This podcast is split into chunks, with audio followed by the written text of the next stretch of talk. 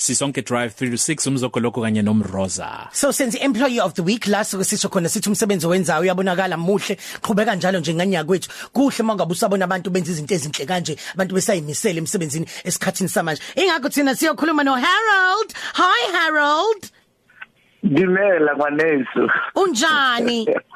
Ke hona le kae wena? siyaphila sweetie pie so u- u- u- u- khona umuntu osibhalelile la incwadi be Harold wathi sanibonani igama lami ngingu Nginominate uHarold Oyiboss yami as employee of the week namhlanje kuKhosi FM ngenxa yemsebenzi yakhe emihle ayenzela umphakathi wakwaMasha. Uthi angikaze mina ngahlangana nomuntu othanda umsebenzi wakhe njengo Harold ukusiza abantu is his calling. Uthi uyasiza ngayo yonke indlela uyanikela ngisho nangemali, ngokudla, ngeimpahla, nangayo yonke into uma umuntu mayifu esuke idinga ngaleso sikhathi ukuthi aphile njengoba recently nje ah njengestore uyistore manager and then thiwa ustep up wasiza bandla. Abantu basekhala abantu ukuthi baphile Nkosi yami. Nangu nakulomuntu ekhuluma bamba kanjani uHarold Sanibonani igama lami nguzanele Duma. Ngisebenza eSuperspa kwaMashu.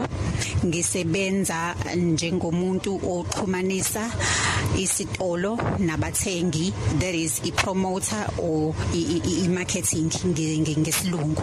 Eh namhlanje ngifisa ukukhetha umphathi wethu wesitolo uMr. Harold Moikabi as i manager e eungayizivele eyenyanga. Isizathu esenza ukuthi ngimkhethe ilezi ezilandelayo. Umphathi wethu ke usebenza ngokusikhandla ekuthenini asize umphakathi la kwamashu. Ngesonto elidlule sisize abantwana laba abangenazo izimfanelo abangenazo izimoto zokuhamba sengisho ama wheelchairs labo bantwana ubasize ngokuthi abanikeze ihlalo zokuhamba ngoba babengakazi babe nazo ihlalo zokuhamba.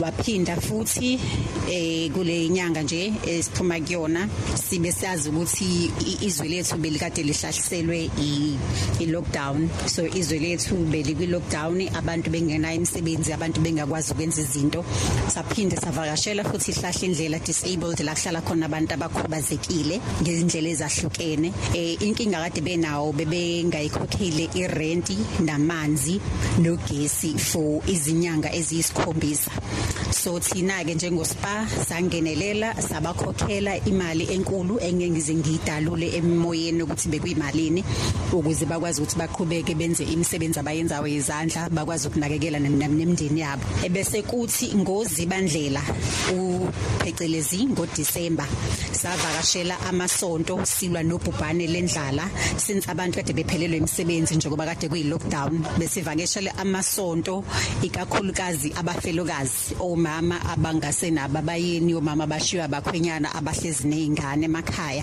Savakashela bona ke amasontweni sabanikeza izipho zika Christmas sabanikeza nokudla. Kwaphinda futhi ngaye futhi uzibandlela umphathi wethu uMr. Harold ehamba nomshayeli wala khona la esitolo kwaMashu Super Spa wavakashela izaguga. Unakhona wazinikeza ukudla kaKrismus wababona nje ugogo ukuthi basaphila yini. Okunye futhi akwenzile njengesitolo. Kole izikole eziningi la kwaMashu bezinenkinga yamanzi. Wahlangana ke wahlanganisa nethimba lakhe. Bakwazi ukuthi bathole ama Jojo tanks. Izikole eziningi ezila kwaMashu wazihambisela ama Jojo tanks ukuze zikwazi ukuthi zibe namanzi ezikoleni waphinde futhi wavakashela izikole eziningi la eh kwanikelwa khona ngecathulo ezingane zesikole ezu2000 kwahanjelwa izikole ezu10 kwanikezwa izingane ezu200 isikole ngasinye zathola izicathulo zathola nobhakha besikole. Kulonyaka ke into ezobhekelelwa njengospa kwamashu kulonyaka kuzobhekelelwa ukuthi izikole ezingamabanga phezulu sengisho ama high school sizohamba nawo sihambe siwabheka ukuthi sibalekelele ekuthenini bathole imbhukuza uma ngabe ngithi imbhukuza ngikhuluma ngama sanitary pads. La sokwazi ukuthi sibanikeze khona izikakhulukazi izingane zamantombazane ezingakwazi ukuthi zisithengele ama sanitary pads bangaze balove ekoleni ngoba bengenazi izinto ekufanele bayisebenzise mangabe kuyisikhathi senyanga. Izona zonke izinto lezi azenzayo as umphathi wesitolo engibona ukuthi kumfanele ukuthi kubo yena umphathi wesitolo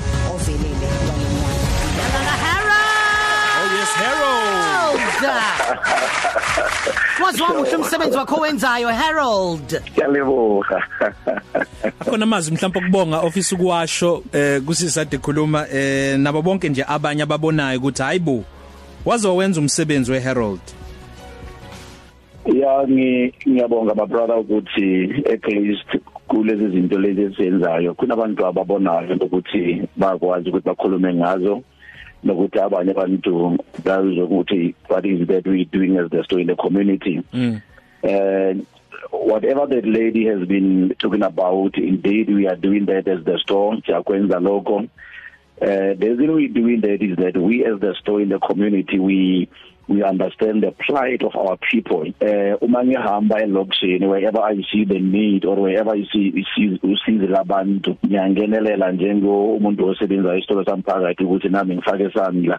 Abantu ba basizakale. Mm. and then uh, while we might be having abantu abaningi abalalele this show bekhana ukuthi whoever wants to partner with us ufuna ukufaka sandla kuthina ukuthi we reach out to our people.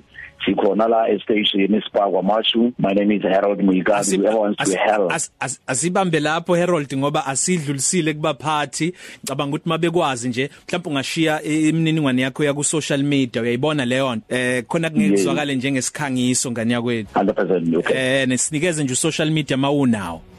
Yeah u- u- u- umuntu ufuna ukuxhumana nathi uya straight ku kwamashu Super Spa ku Facebook then makathi kwamashu Super Spa hayi ungenile yonke into ikhona lapho Alright, sibonge kakhulu mfethu, siyabonga kakhulu.